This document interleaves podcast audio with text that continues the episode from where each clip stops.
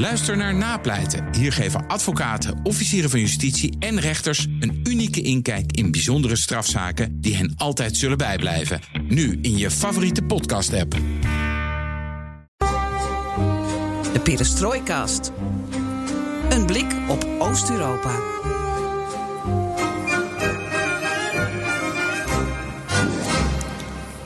De laatste podcast van het jaar, Geert-Jan.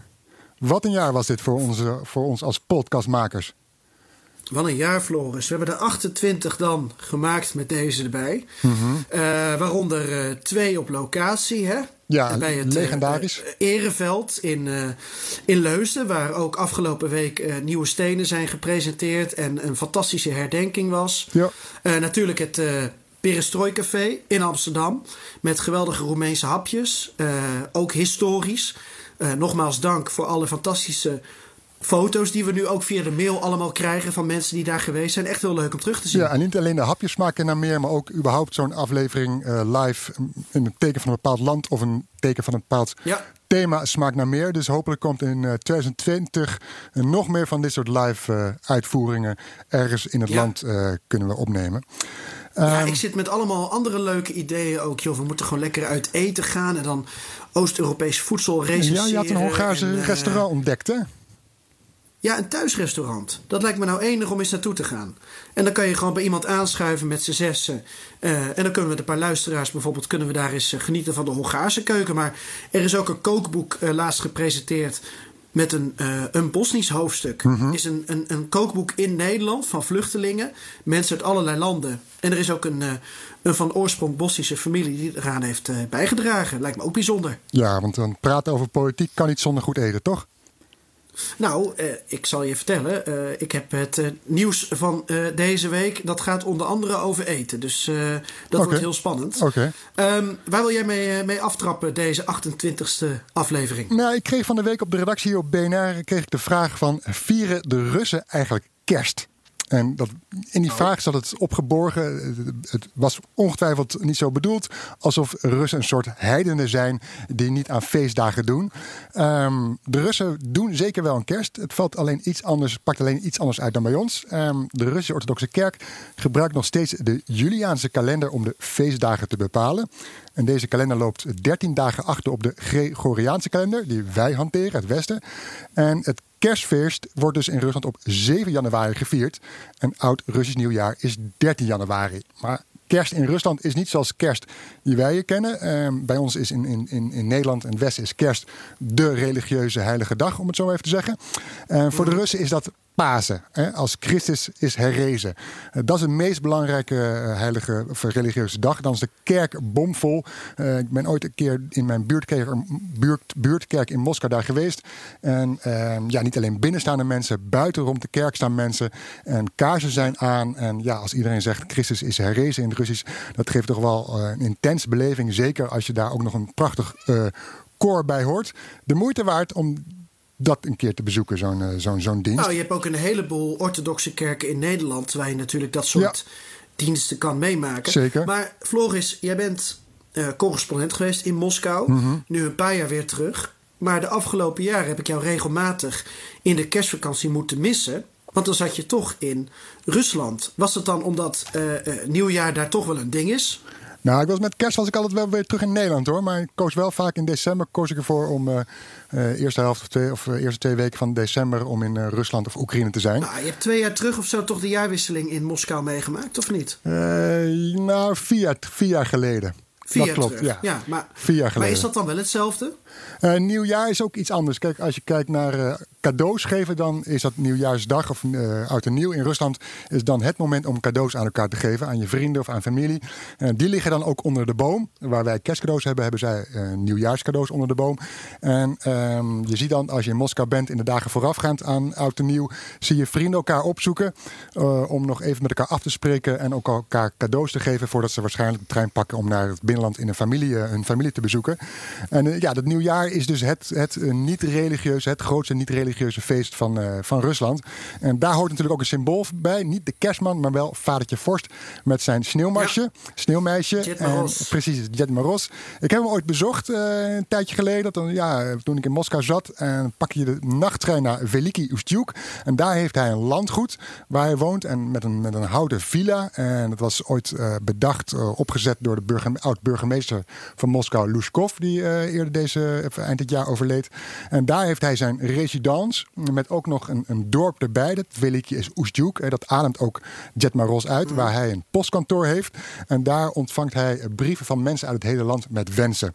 En ik kan me nog wel herinneren toen ik dat postkantoor bezocht. Dat er een wens was van een Russische Russische soldaat, gelegd in Tsjetsjenië, die vroeg aan Jet Moros: Mag ik naar huis? Ah. Ja. Dus zo vieren de Russen oud en nieuw. En uh, ja, ze hebben dus wel kerst, maar dat loopt ook iets achter. Uh, ja. Dat is dus 7 januari, maar niet zo'n uh, kerstgevoel als bij ons. Dat geldt natuurlijk voor meer landen in onze regio. Mm -hmm. ook door de vele verschillende religies. Um, dat er verschillende dagen worden aangehouden. En ik kan me nog herinneren dat ik in de Oekraïne was in januari. Zijn je nou de en dat ik daar. Nee, dat ik in okay. Oekraïne was in januari. nee, ik zou niet durven. Dat is geen provincie. nee, nee, heel nee, goed. En uh, dat was het doopfeest. Dat was mm -hmm. Ja, heb je en ook nog. Wat dan gebeurt, uh, volgens mij was dat toen rond uh, 20 januari of mm zo. -hmm, ja, ja. Dan ga je in de, de, de Dnipro, de Mhm. meest vervuilde rivier van Europa, Ja. ga je zwemmen. Het verhoor 15 graden onder nul. Dus er waren wakken uitgehakt. En daar ga je dan um, vaak na een flinke teug wodka uh, induiken. Maar niet zonder reden, want er is ook een patriarch bij. Mhm. Um, en die doopt het water.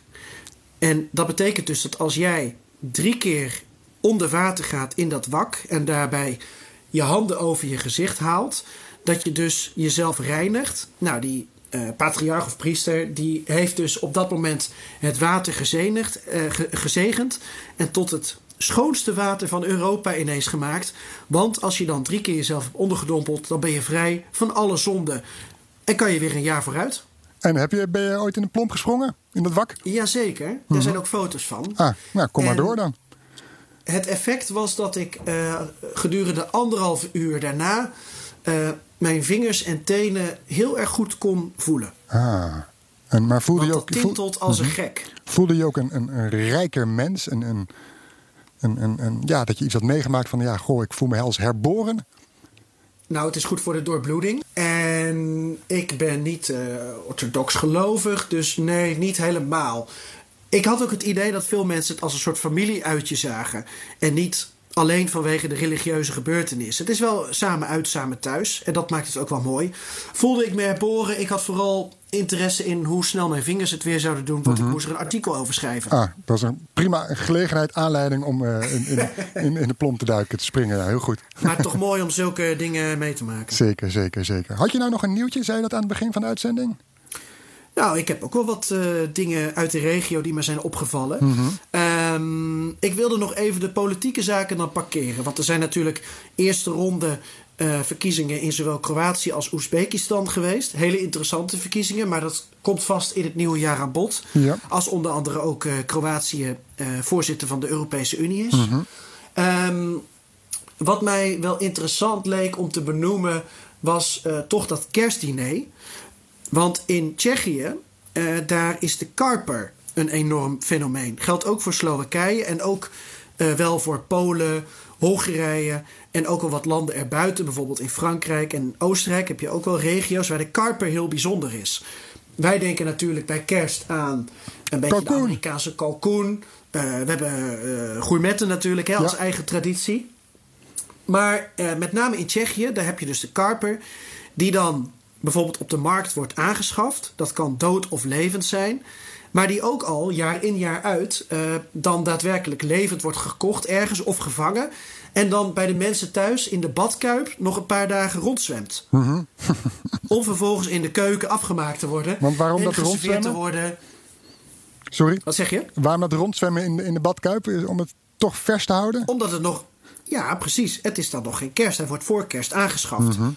En dan moet alles in de keuken natuurlijk klaar worden gemaakt voor de slachting. Nou, en dan gaat die eh, vis gaat of in de soep of die wordt heerlijk gefrituurd. Ehm, in Polen is het onderdeel van een veel groter menu. Daar heb je geloof ik twaalf gangen. Hè? Ook samengaan met alle pierogi. Maar in ehm, Tsjechië en Slowakije, nou daar is het wel echt een ding. Daar is karper het hoofdgerecht. Ehm, dat zou ook te maken hebben, volgens een van de overleveringen, met ehm, eh, eh, het katholieke geloof. Ehm, nou ja, of dat echt zo is, dat, dat waag ik dan te betwijfelen. Maar het is wel een mooie traditie. En ehm, afgelopen week heeft zo'n karper een verkeersongeluk veroorzaakt. Hoe doet hij dat? Want een vrouw had een karper uit een winkel meegenomen, in een zakje op de bijrijdersstoel liggen. En toen sprong die eruit op haar schoot. En zij was aan het rijden. En vervolgens was die vrouw zo, zo in shock dat ze dus eh, tegen andere auto's aanreed. Gelukkig geen eh, dodelijke slachtoffers te betreuren. Hoe de karper het momenteel maakt, daar kan ik geen uitspraken over doen. Het ligt gewoon in de pan, denk ik. Dat denk ik ook, ja. Nou, heel goed. Overigens is het wel goed. eh, We hebben het een beetje over religie, over godsdienst. Daar moeten we een keer een. of, eh, Er moet niks, sorry, neem ik kwalijk. Maar het zou toch wel heel erg wijs en leuk zijn om daar een keer een uitzending, een podcast aan te besteden. Over religie, godsdienst in Centraal Oost-Europa. Want dat is, ja, speelt toch wel een enorme rol in het leven van de mensen daar. En eh, ja, dat. dat, dat Nou, en, en, en het is verrassend, hè? Want jij weet waar de grootste moskee van Europa staat. Misschien wel van de wereld. eh, van de wereld weet ik niet. Maar er is eentje in Moskou bijvoorbeeld. Sint-Petersburg heb je er ook een. Ik weet niet of dat de grootste nou, van Moskou Europa is is. inderdaad een gloednieuwe. Dat is volgens Ja. mij de grootste van ben ik Europa. ooit een keer langs gelopen, ja. Die is zelfs geopend door Poetin en Erdogan samen. Enfin, Nou, weet je godsdienst dus. Oké. De kop is eraf, de 28e aflevering van BNR Perestroika, Geert-Jan. Ehm, Ja, de enige podcast van Oost-Europa, nee, van Nederland, die genoeg oog voor het oosten heeft en geeft. En het blijft elke keer weer een feestje om te maken. zeker, zeker als je, zoals, in Roeme- of zoals we die Roemenië-aflevering hadden... en je staat oog in oog met de luisteraars. Dat is, vond ik wel heel erg bijzonder, als ik er nog even op terug mag blikken. Dat je opeens eh, mensen spreekt die naar je luisteren... en, en die je in levende lijven ziet. Dat, eh, en die speciaal daarvoor eh, afreizen naar Amsterdam... vanuit Roosendaal of uit Rotterdam. En dat vond ik wel, ja, dat, dat deed me wel wat. Van wauw, dat die mensen dat En doen en, voor, ja, voor over hebben. is dat, het leuke is dat al die mensen ons nu dus sociaal weten te vinden. Ja. Want zo zijn wij. Sociaal en democratisch. Bijvoorbeeld via Twitter, Perestrooikast. Of via de e-mail perestrooikast.bnr.nl. En Floris, we hebben het plan om, als we eh, inderdaad in het nieuwe jaar ermee doorgaan...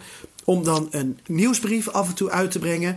Dus wil je onderdeel zijn van eh, onze Community. interactie met de luisteraar... Community. Secte. Mail dan naar perestrooikast.bnr.nl en je ontvangt dan allerlei nieuwtjes van ons. En ook eh, de nieuwste live-uitzendingen bijvoorbeeld. Kunnen we dan zo communiceren. Dat is goed, eh, dat gaan we doen. Perestrooikast, secte of zoiets. In die, die, eh, die trant kunnen we het zoeken.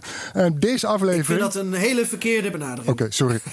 we, we- we- daar bedenken we nog wat op. Ehm, in deze aflevering, Geert-Jan, hebben we een eerder opgenomen gesprek met Esther Voet, hoofdredacteur van het Nieuw Israëlitisch Weekblad. En we duiken we met haar een gitzwart Oekraïns verleden in. Zij maakte afgelopen zomer een reis door het land en werd geconfronteerd met het weggevaagde Joodse leven in de Tweede Wereldoorlog. En dat liet haar niet onberoerd. En we hebben natuurlijk weer een geweldige mop voor je in petto. De laatste van het jaar. Ehm, ik hoop dat we hem deze keer zullen begrijpen. Maar Joost Bosman die schijnt alweer erop geoefend te hebben. Mijn naam is Geert-Jan Haan. En ik ben Floris Akkerman. En dit is BNR Perestrooikast.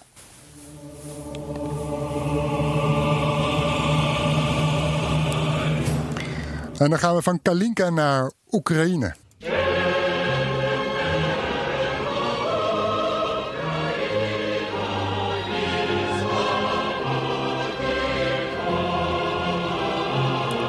Holocaust veegde het Joodse leven in Oekraïne volledig van de kaart. Van hun roemrijke bestaan in Oekraïne en in de rest van Oost-Europa was na de Tweede Wereldoorlog niets over. Afgelopen zomer bezocht Esther Voet, hoofdredacteur van het Nieuw Israëlitisch Weekblad, het land Oekraïne en dook in dit gitzwarte verleden. Een geschiedenis waarmee Oekraïne nog altijd wordt geconfronteerd. En Esther keerde ook met een dubbel gevoel terug en zit nu hier bij ons in Amsterdam. Esther, fijn dat je er bent. Welkom. Goeiedag. Uitgerust, inmiddels. Nu wel. Het heeft even wel. geduurd. Ja. Eerst maar eens beginnen wat het doel van je reis was. Het doel was om te kijken hoe de Joodse gemeenschap uh, daar er nu voor staat. En dat heb ik gedaan met Christenen voor Israël. Dat is een club uh, ja, uh, waar ook in de Joodse gemeenschap soms wat ambivalent naar gekeken wordt. En ik moet heel eerlijk zeggen dat ik wel teruggekomen ben met heel enorm veel respect. Want ze doen daar wel heel goed werk. Wat was dat ambivalente gevoel dat je vooraf dan ook had? Met welke interesse of insteek wilde je Oekraïne gaan bekijken? Uh, bedoel je ten opzichte van Christenen voor Israël of gewoon het land? Nou, het, vanuit het initiatief inderdaad, met Christenen voor Israël. Nou, uh, ja, ik ken die club al langer en ik uh, weet dat ze inderdaad heel goed werk doen. Maar vanuit de Joodse gemeenschap wordt er nog wel eens met wantrouwen naar gekeken omdat ze uh, denken, die doen het alleen maar om de Messiaanse tijd zo snel mogelijk te laten aanbreken. Mm -hmm. dus, en dat houdt dan in dat Joden zich uiteindelijk zouden moeten bekeren tot het christendom. Ja. En daar zijn uh, Joden allergisch voor. Ah. Maar dat is absoluut niet het geval geweest. Dan merk je niks van tijdens je reis door uh, Oekraïne? Nee, maar ik merk het sowieso niet bij deze -hmm. club. Ja. Waar ben je geweest in Oekraïne? Oh, we, we, we, moet ik. Ik ben moet ik meeschrijven? Ja, ze lieten vooraf een foto, allemaal foto's zien waarvan ze ergens in de middle of nowhere, ja, het einde van de wereld. We zijn uh, geland uh, 200 kilometer ten noorden van Mariupol. Mariupol is een uh, havenstad helemaal in het zuidoosten van Oekraïne. En ligt vlakbij het front. Het is ook een paar keer of een keer ingenomen door de Russen. In van, mei 2000. 14, als ik, niet, als ik niet vergis. Ieder geval 2014 ja, was het eventjes... Ja, uh, juni, de zomer 2014. Ja. En van daaruit zijn we naar uh, Dnepro gegaan. Dat -hmm. heette vroeger Dnepro Petros. Nou ja, dat weet je allemaal nog van je basisschool of je lagere school. Tenminste, ik wel. Toen zijn we daar vandaan zijn we doorgegaan, uh, gevlogen terug naar Kiev. En van Kiev zijn we toen het hele westelijke gedeelte gaan uh, bekijken. Wat ook tijdens de Tweede Wereldoorlog Transnistrië was. Mm -hmm. En uh, vanuit, de, dus helemaal ook langs de Moldavische grens gereden. En we zijn uiteindelijk geëindigd in Odessa. Dus dat is weer helemaal in zuidwestelijke richting. Uh, en van Odessa hebben we de nachttrein, zeer aan te bevelen, teruggenomen naar Kiev. Kijk, en van daaruit ja. mocht ik naar huis. Was je vrij? Nou, nou het heeft drie weken geduurd hoor, voordat ik er uh, van bij kwam. Ja. Het heeft emotioneel enorm veel impact gehad. Mm -hmm. Ja, dan voelt... Niet alleen slaapgebrek, maar ook gewoon echt uh, de enorme confrontatie van de getuigenverklaringen daar. Wat was het precies dat de emoties bij je opriep? Uh, nou, allereerst heb je ook op zo'n reis, want we hebben natuurlijk, nou ja, ik heb net verteld hoe, hoe we gereisd hebben. Uh, de, en je slaapt weinig, dus je hebt ook weinig weerstand. Maar we hebben ook echt gesproken met getuigen van uh, de overlevenden van de Shoah daar. Je moet uh, je voorstellen dat er 1,3 miljoen Joden van de in totaal 6 miljoen.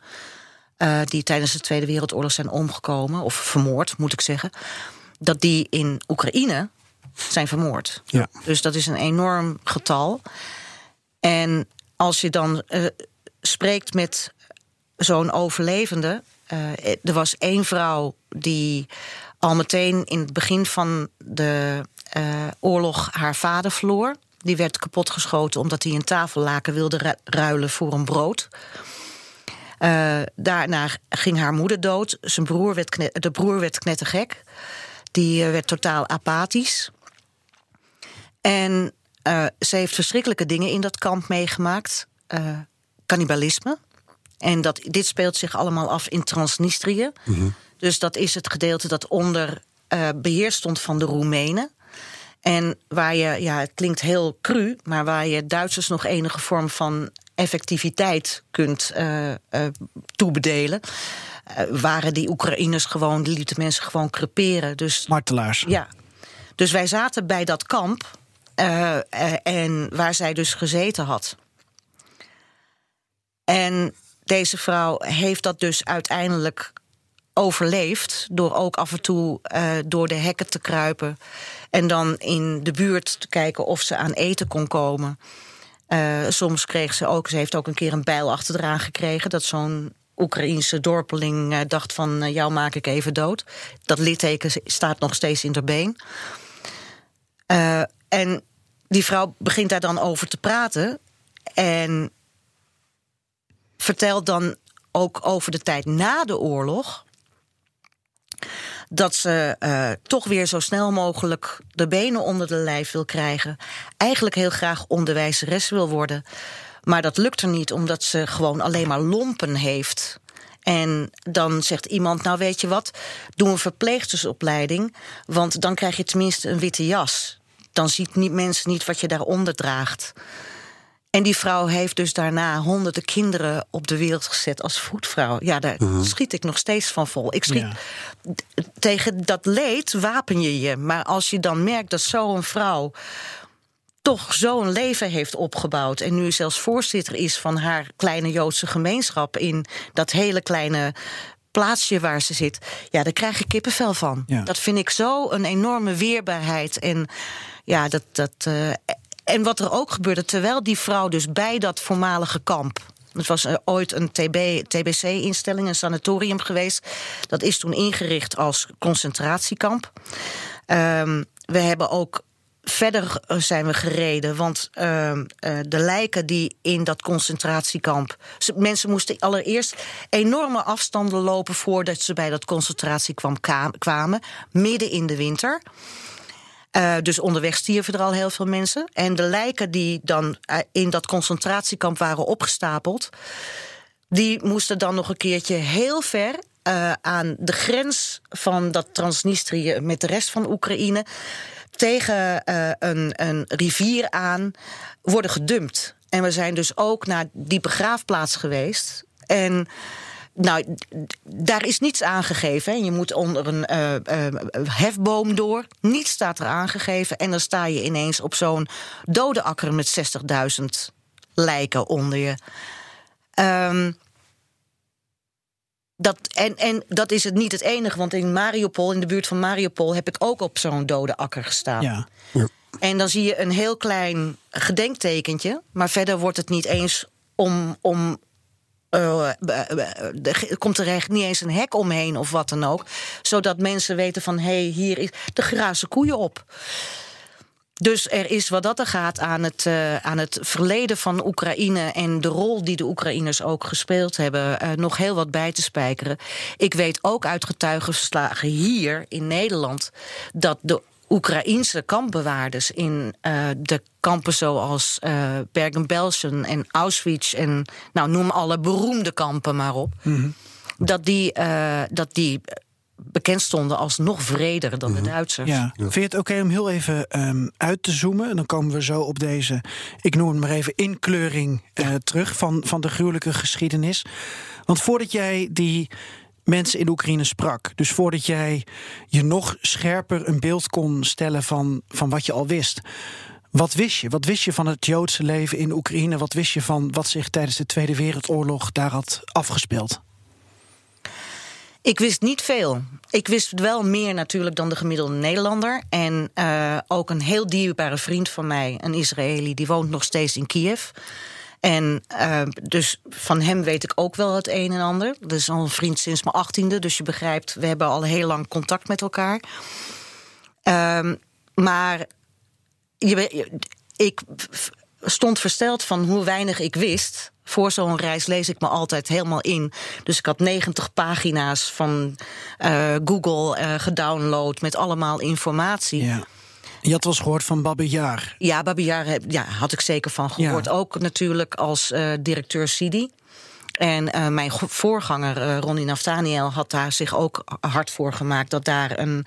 En ook opperrabijn Jacobs, met wie ik een heel goed contact heb. eh, hadden zich daar hard voor gemaakt. om daar dus inderdaad ook een. eh, een ehm, een, een mo- monument eh, te. Maar iedereen kent Babi Yar. Ja. Of tenminste, de meesten kennen Babi Yar. Ja. Maar, Maar eh, niet alle is- gruwelijke is- details het- het- natuurlijk. het- ik bedoel, op 50 kilometer van elkaar af, weet je. Je, je hopt van het ene concentratiekamp naar het andere concentratiekamp. En dat, die schaal is, ehm, is niet te bevatten. En nou ja, je wilde dat ik niet uitzoomde, dus ik, of uh, niet, uh, uitzoomde, dus ik ga nog even niet ja, in op, op, de verdere ja. voorbeelden. Maar uh, dus dat was over het algemeen wat ik van Oekraïne wist. Verder wist ik wel dat Oekraïners een enorme arbeidsethos hebben. Het zijn harde werkers. Uh, en ja, wat ik verder gewoon uh, uit, uit de nieuwscharing bracht.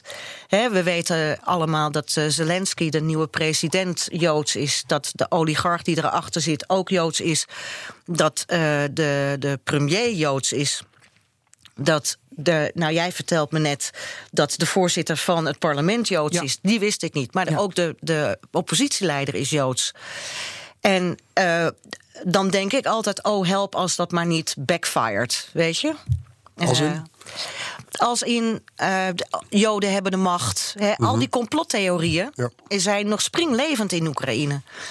En in Kiev uh, liep ik op een gegeven moment op een overigens beeldschone markt. En daar liggen gewoon alle SS-kwartetten en, en memorabilia, ligt, memorabilia ligt, ligt daar gewoon om te kopen.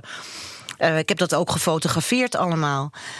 Uh, dus, dus ja, het is een heel ambivalent gevoel wat je eraan overhoudt. Ja. En uh, ook wat ik. Um,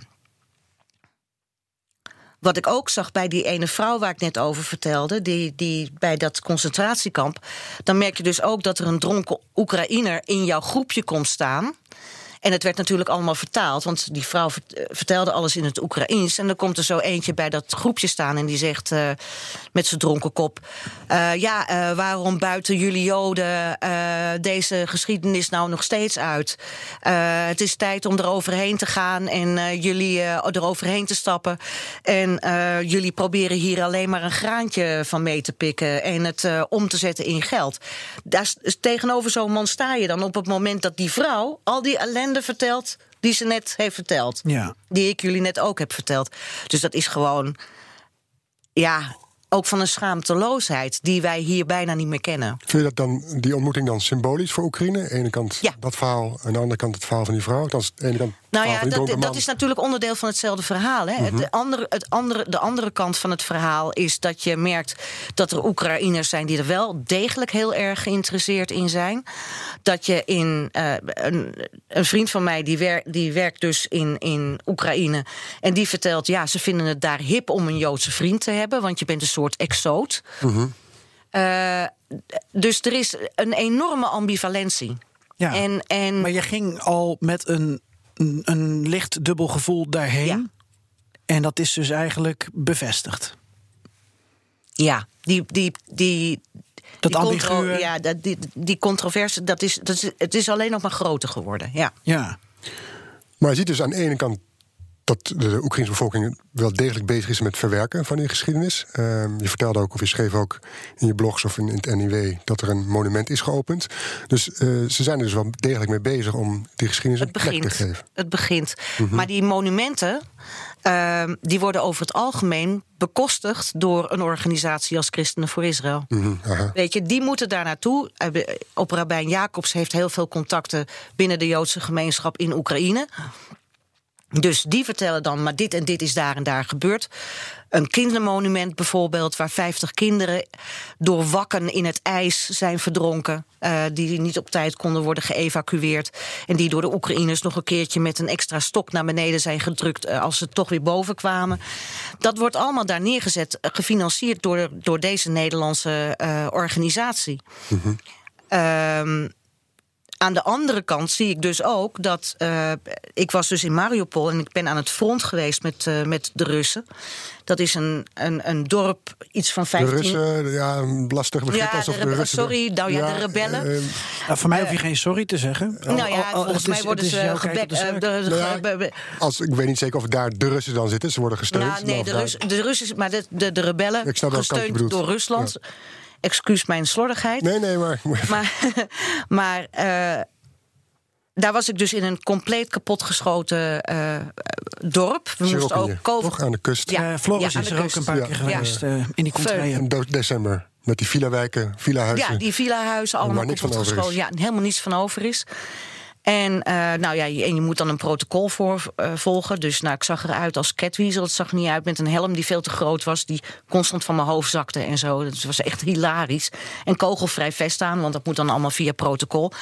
En er is een, een, een, nieuwe unit opgestart van...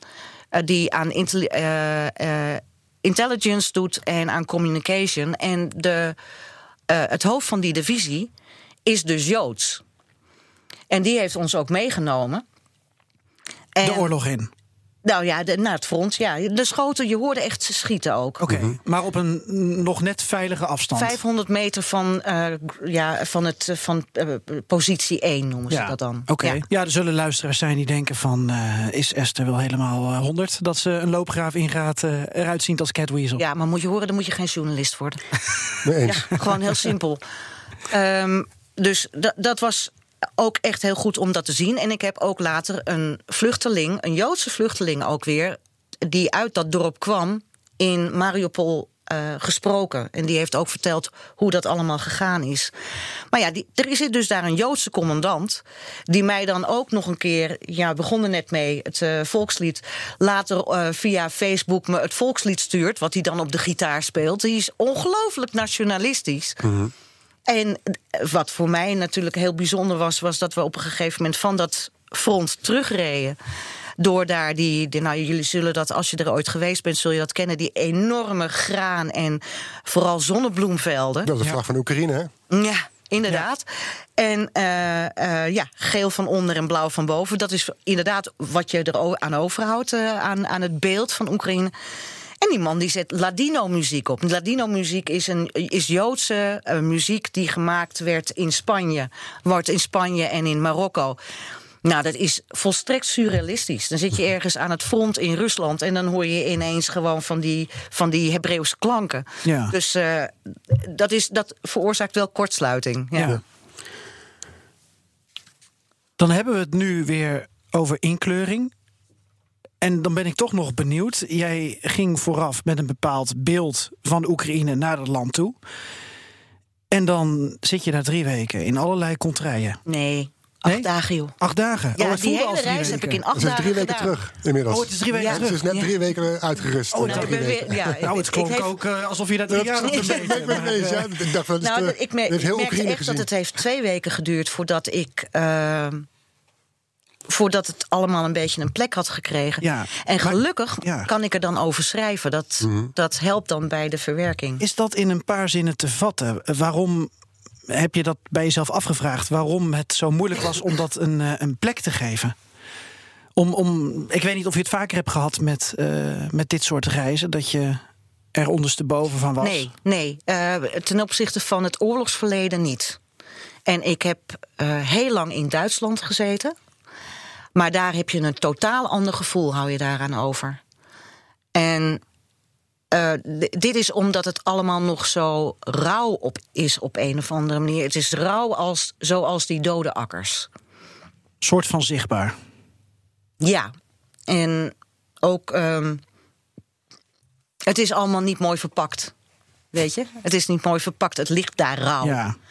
Terwijl Eh, in Duitsland dan ziet het er wat musealer uit, bij wijze van Ja, spreken. krijg je ook meer informatie. Hier Ja. sta je, dit is zo de rauwe ervaring van... ik sta hier op een, op een grasveld waar lijken onder liggen. Ja. Dat, eh, dat, dat heb je nergens anders. En hoe kwam je op, op zo'n moment aan je informatie? Want je had je van tevoren ingelezen. Maar Mhm. ja, als je op een akker staat dan, en er is geen bordje bij... ja, ik weet niet of je daar iets over nou, had die, gelezen. die vrouw waarover ik dus sprak, hè, die, Ja. die overlevende, die ging met ons mee. En er was vertaling. Dus we konden ook van alles en nog wat vragen. Ehm, wat dat er gaat, is het een ontzettend boeiende reis. Nou ja, het was sowieso een boeiende reis. Maar het is niet een reis waarvan je nou zegt van... oh, wat fantastisch. Ja. Het, is geen, het was, weer. het was geen snoepreisje, zullen we dat zo Maar ik zeggen. merk sowieso dat, los van de, de Tweede Wereldoorlog... ik weet niet hoe het met jou zit, Gert-Jan... maar als ik terugkom uit Oekraïne, gewoon van een reis naar Mariupol of überhaupt...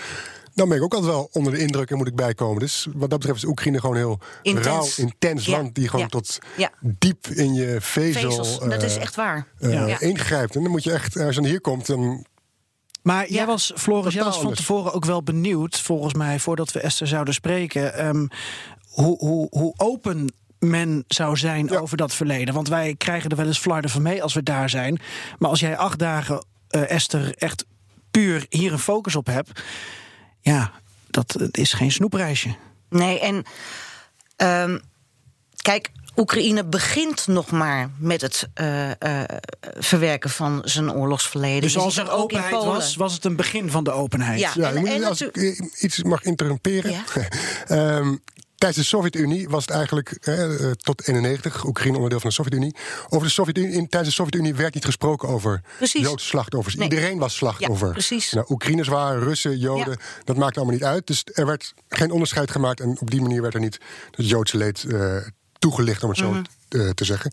Ten tweede, als het, als, het, als, het, als het over zouden verwerken, of als ze het zouden over hebben, dan zou ook uh, naar boven komen dat de Oekraïners zelf hadden meegewerkt aan uh, die vernietiging van, van Joden. Dus dat is dan extra pijnlijk voor je eigen bevolking in de Sovjet-Unie dat je eigen volk daar schuldig aan is. Ja. Dus vandaar dat eigenlijk tot 91 werd er gewoon niet uh, over gesproken. Los van het antisemitisme tijdens de Sovjet-Unie zelf. Wat natuurlijk ook uh, flink aanwezig ook mee was. heeft gespeeld. Maar ja, kijk, de Oekraïners hebben sowieso natuurlijk een historie in antisemitisme. Ja. De allereerste pogrom ja. heeft in Odessa plaatsgevonden. Begin 20e eeuw ook. De, de, ongelooflijk veel. De, ook, daarom ook is Odessa het, een, een stad waar ooit de eerste praktische stappen zijn gezet en ondernomen voor, voor emigratie naar Israël. Ja, Joden mochten ook niet overal wonen onder Nee, maar, dat was dus, maar het punt was dus, in Oekraïne mochten ze dat wel. Ja, ja. En daarom heb je daar dus ook zoveel stettels.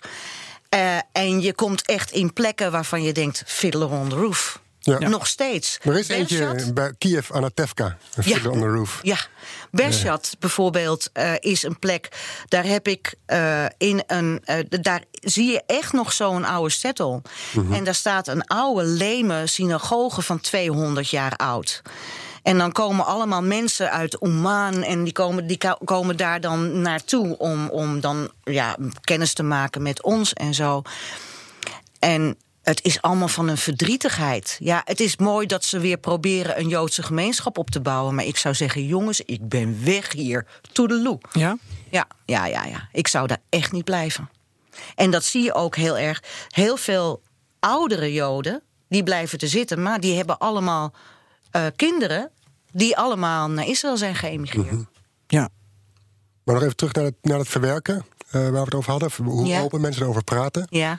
Uh, hoe, uh, Mensen praten er niet zo open over. Maar de mensen die ik heb ontmoet, zoals bijvoorbeeld in Odessa. Je hebt in Odessa. Uh, ik ben trouwens verliefd geworden op Odessa, maar dat is uh, los daarvan. Maar in een buitenwijk van, uh, van Odessa heb je dus een Holocaustmuseum. Nou, dat is één grote zwarte metalen deur. En daar moet je, je moet ook echt wel weten waar je moet zoeken, want anders vind je het nooit. En dan moet je een, steegje in. En dan kom je in een Holocaustmuseum. En daar hebben ze ook een kaart met alle concentratiekampen in dat hele gedeelte van Transnistrië waar ik het net over had. En daar staat dus iemand van: ik zal niet rusten voordat Oekraïne uh, zijn oorlogsverleden erkent. Mhm. Maar dat hele museum, waar je trouwens bijna flauw viel van de hitte. Uh, het is eigenlijk een museum dat gewoon niet te doen is. Wordt alleen maar bezocht door buitenlanders. En uh, wordt ook alleen maar onderhouden door giften uit het buitenland. Daar komt geen cent van de centrale Oekraïnse regering af. Um, Dan ga je ook afvragen wat er überhaupt aan educatie wordt gedaan nou ja, op dit terrein. Ik spreek in Bershad spreek ik een professor die heeft een enorm dik boek geschreven over alle gruwelen die zich daar hebben afgespeeld. Dat is die man zijn levenswerk. Daar zijn 300 exemplaren van gedrukt. En vanwege een rijke uh, Joodse uh, immigrant die in Amerika terecht is gekomen, hebben ze het in het Engels laten vertalen en daar ook in 300 exemplaren gedrukt. Maar ik vraag die man natuurlijk: staat dit boek in de bibliotheek in Oekraïne? En het antwoord is nee. Oké. Okay. Dus als wat gebeurt, dan is het gewoon een particulier ja, initiatief. allemaal particuliere initiatieven.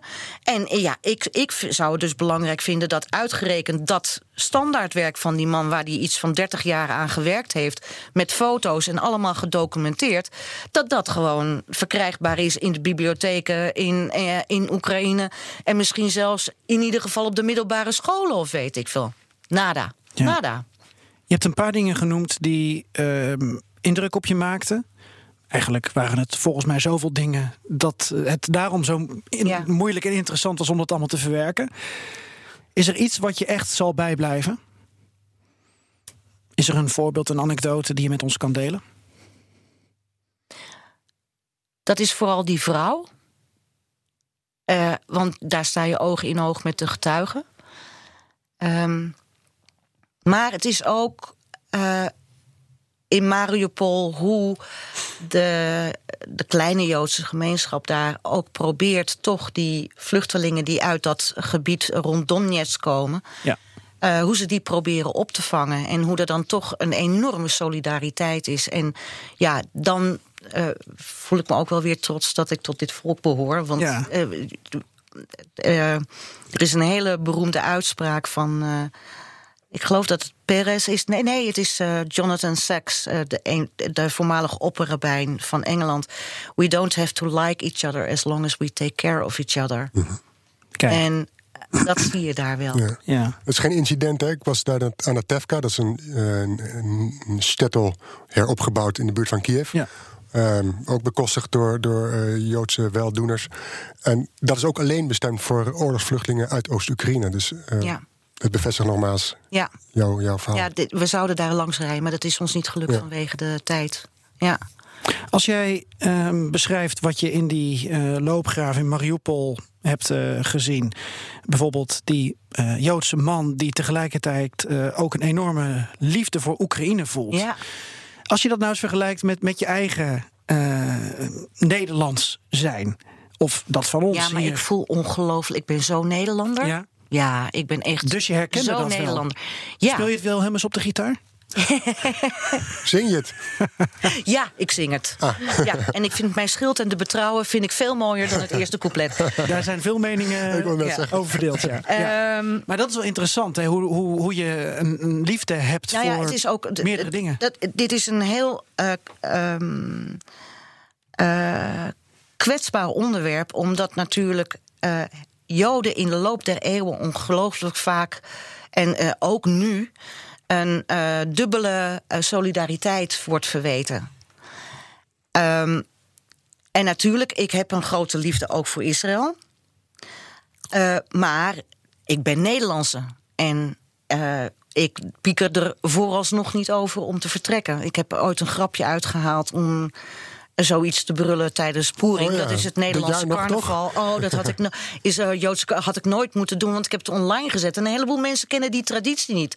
Maar het NIW bestaat al eh, dit jaar 155 jaar. En het is bij ons gewoon traditie dat er rond Purim, het Joodse carnaval dus, dat er in sommige artikelen gewoon stoyot, zoals wij dat dan zeggen, onzin staat. En dan is het aan de lezer om dat eruit te filteren.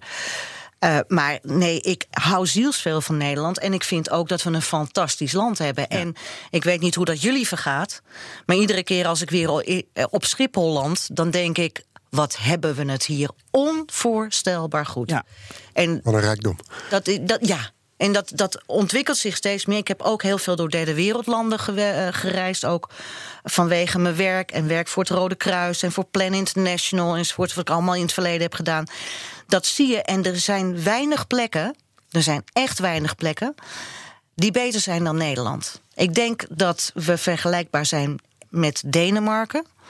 Maar ook in Noorwegen en Zweden gebeuren er dingen waarvan je denkt: dat is niet pluis. Dus. ehm, en, natuurlijk, er gebeuren ook in Nederland dingen die niet. Maar ze zijn op een of andere manier minder diep niet Ja. pluis dan in heel veel andere landen waar ik, tegen, eh, waar ik, eh, waar ik ben. Nou, ik vraag het ook omdat de andere kant van Oekraïne en het andere beeld dat mensen hebben dat er ook is, is dat nationalisme, ultranationalisme, niet kan samengaan met bijvoorbeeld het Jodendom. Eh, sterker nog, kunnen we gerust spreken van antisemitisme, dat er totale haat is.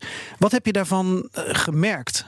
Toen je daar zelf was. En heb je zelf ook een nieuwsgierigheid ja, betracht naar hoe dat land er op, op die manier voor stond? Nou ja, je ziet het, hè? Je ziet het ook bijvoorbeeld in Kiev zie je de hakenkruisen. En als je een beetje inleeft, eh, leest, dan weet je.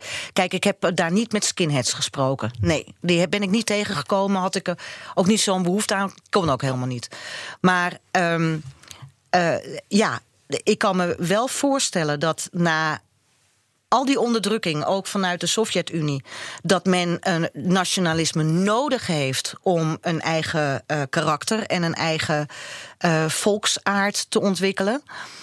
Um, en ik ben blij dat uh, Joden zich daar ook voor inzetten. Heel simpel. Net zoals dat ik me als Nederlander ook hoop, in te, hoop dat ik me inzet voor de Nederlandse samenleving. Ja. Maar ja, het is daar allemaal. Kijk, wij, wij sowieso kun je het. Is het daar veel sterker en veel heftiger. Uh, dan hier, omdat we sowieso meer zijn van, nou ja, hè, um, we, hebben het, we hebben het net over het Wilhelmus, maar we hebben de Spaanse uh, koning altijd gediend en ja. zo. Dus, dus we zijn wat dat er gaat veel internationaler ingesteld. En ik denk wel dat als Oekraïne zich verder wil ontwikkelen, dat ze wel iets van een nationale trots moeten hebben. En ik hoop dat die de doorslaande nationale trots, dat dat op een gegeven moment uitveet. Ja. Maar we weten allemaal dat, uh, uh, dat er tendensen zijn in uh, Oekraïne, zoals je die bijvoorbeeld ook in Oost-Duitsland ziet. Hè? Laten we wel zijn, want daar ja, niet hebben, we, hebben we ook een paar clubs rondlopen waarvan je zegt. Uh, dus het is echt niet uniek voor de Oekraïne. Nee. Floris, ken je die, die, die tendensen, dat, dat, dat uh, beeld van ultranationalisme, neonazisme... In, in, in welke vorm heb je dat zelf ook gezien in Oekraïne? Hoe kun je dat samenvatten? Um, nou, ik heb het niet zozeer zelf met mijn eigen ogen gezien. Natuurlijk heb ik wel gesproken met uh, uh, Pravi Sector, dat is dan een rechtse club. Ja, rondom Maidan werd het Maidan, wel ja, erg Dat was toen 2014. Uh, daar sprak je wel men, mensen. En als je op de man afvraagt, dan zeggen ze... nee, dat was allemaal verleden. wij zijn anders. wij zijn niet tegen Joden, wij zijn voor iedereen. Ja, maar ze weten niet eens...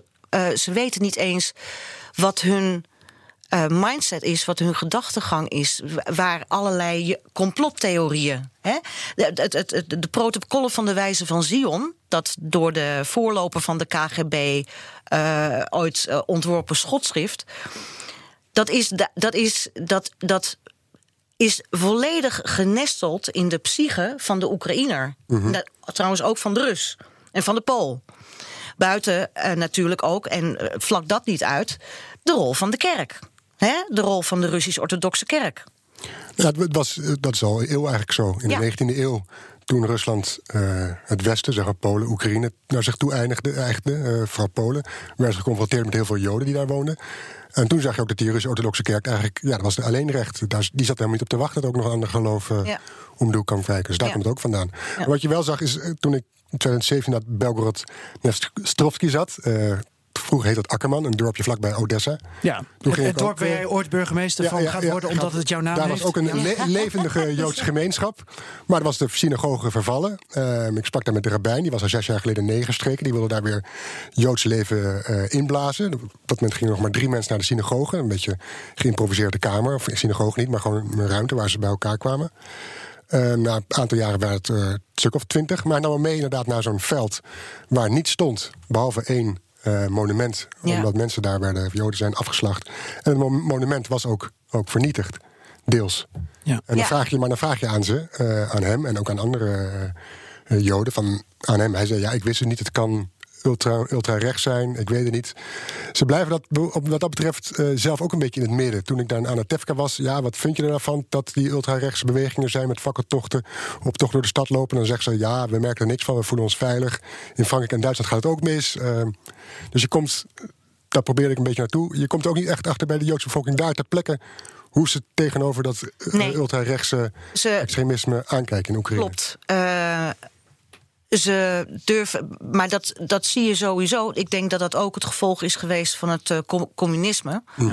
Eh, vrijheid van meningsuiting. Ja. Ehm, dat is nog steeds eh, aan alle kanten beperkt. Gewoon, je moet binnen een bepaald kader blijven en dan kun je wat zeggen of niet. En eh, eh, dat, dat zie je bij heel veel eh, Joden, maar ook gewoon niet-Joden in Mariupol. Zoals je het net uit. Dus ik legde de klemtoon verkeerd, hè? Mariupol. Oké, ja, maar goed, dat vind ik leuk om te weten, want dan zeg ik de volgende keer niet meer fout. Ehm, daar hadden ze bijvoorbeeld toen ehm, eh, de rebellen daar binnenvielen. Hadden ze, eh, en uh, voor dat in, die inval was het een pro-Russische stad. Hè? Want dat hele Oost-Oekraïne dat heeft altijd meer naar Rusland gekeken dan, dan naar Kiev. En ehm, daar hadden ze ook speltjes al klaar liggen met een Russisch-Oekraïns vlaggetje. Mochten ze het nodig hebben. Mochten ze het nodig hebben, dan hadden ze zoiets van: dan doen ze ons tenminste niets. Okay. Dus dat. dat, dat um, er heerst veel, heel veel onderhuidse angst. En er zijn dus maar een paar mensen, zoals inderdaad die gids daar in dat Holocaustmuseum, die durft te zeggen: Ik zal niet rusten voordat de Oekraïners deze, hun geschiedenis erkennen. Ja. Uh, net zoals de Roemenen trouwens, die, die gooit die op. Want dat is logisch, want Roemenië was natuurlijk ook een. Uh, wat, wat heel weinig mensen in het Westen weten. Maar Roemenië heeft natuurlijk heel lang met Hitler meegevochten. Totdat het Rode Leger één laars op Roemeense bodem zette. En toen draaide het hele volk als een uh, blad om de boom om.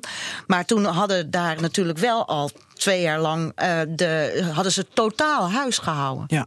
Misschien is dit ook een, een, een, een bijna onvoorstelbaar punt voor, ik zeg maar even, de gewone Nederlander zo'n zo'n Tweede Wereldoorlog, dat eindigde voor bijvoorbeeld uh, Oekraïne niet in mei 45. Het begon ook niet in mei 40. Nee. nee. En um, het was ook niet zo dat er daarna ineens vrijheid was. Dat nee. was ook het einde van de Eerste Wereldoorlog. Toen gingen daar nog gewoon oorlogen door. In Polen, in Oekraïne.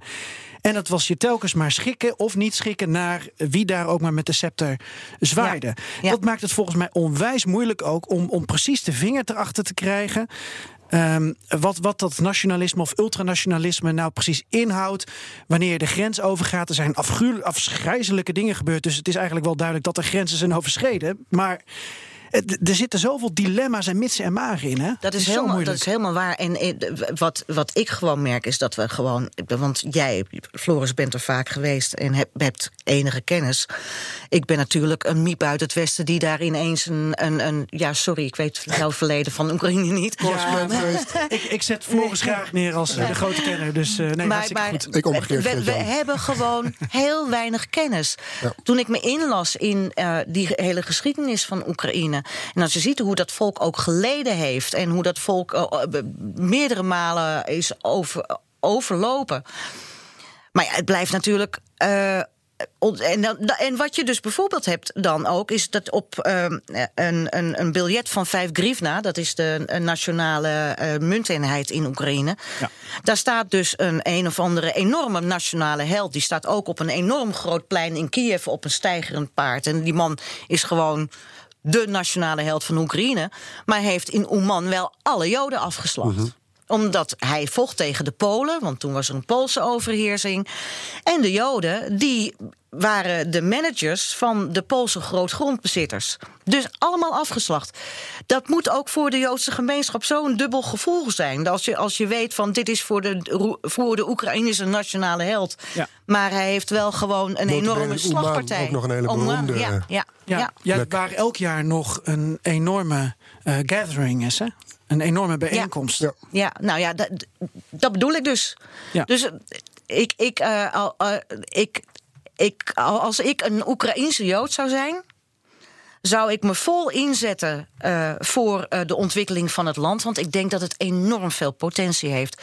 Het is prachtig.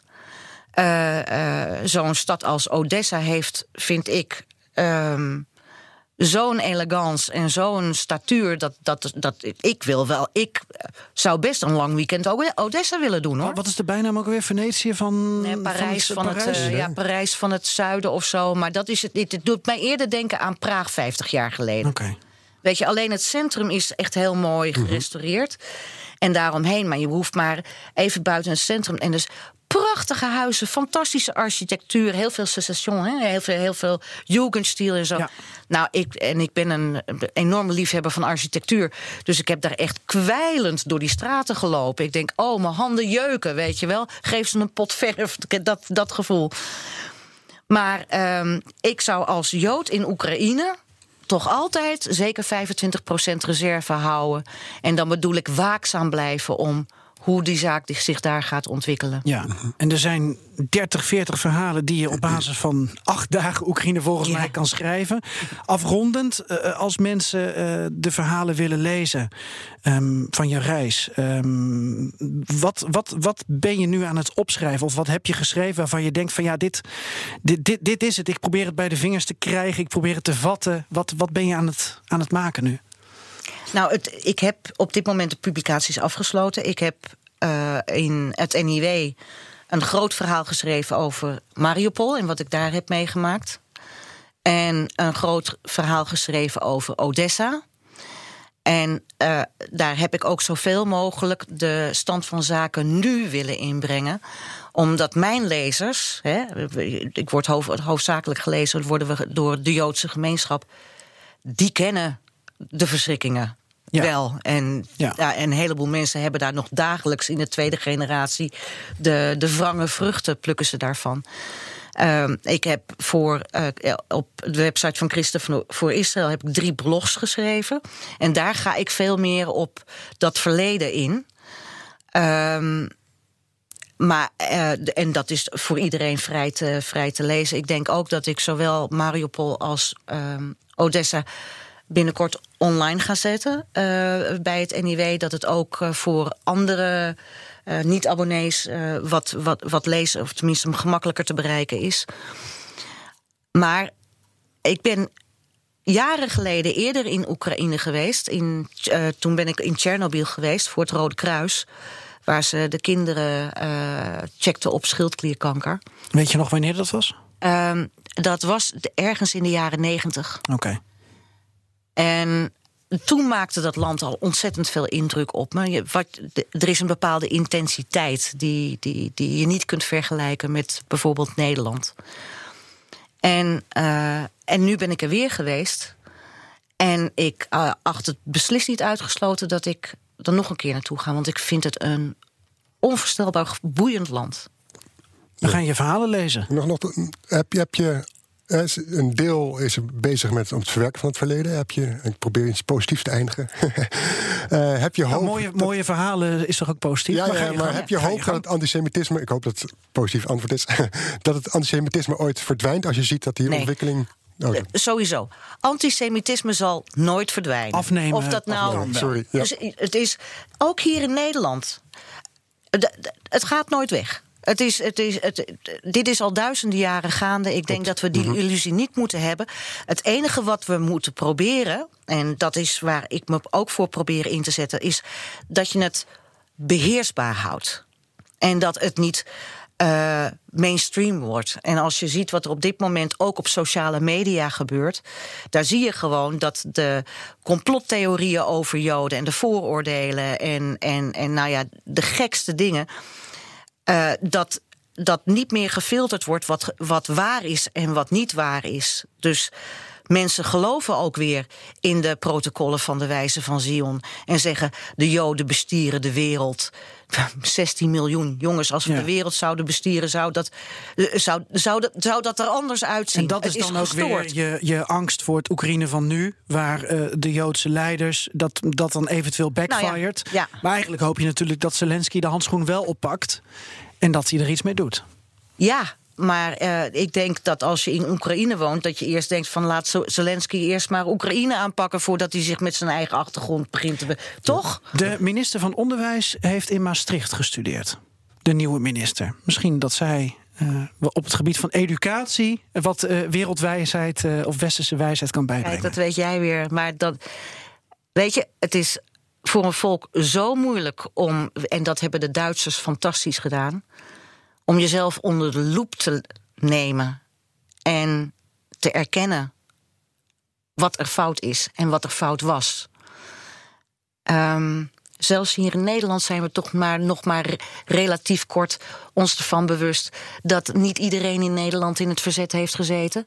Nou, en dan heb je ook nog in Oekraïne dat enorme communisme dat er overheen is eh, gegaan. Dus nee, die staan aan het begin van een hele lange weg. Oké.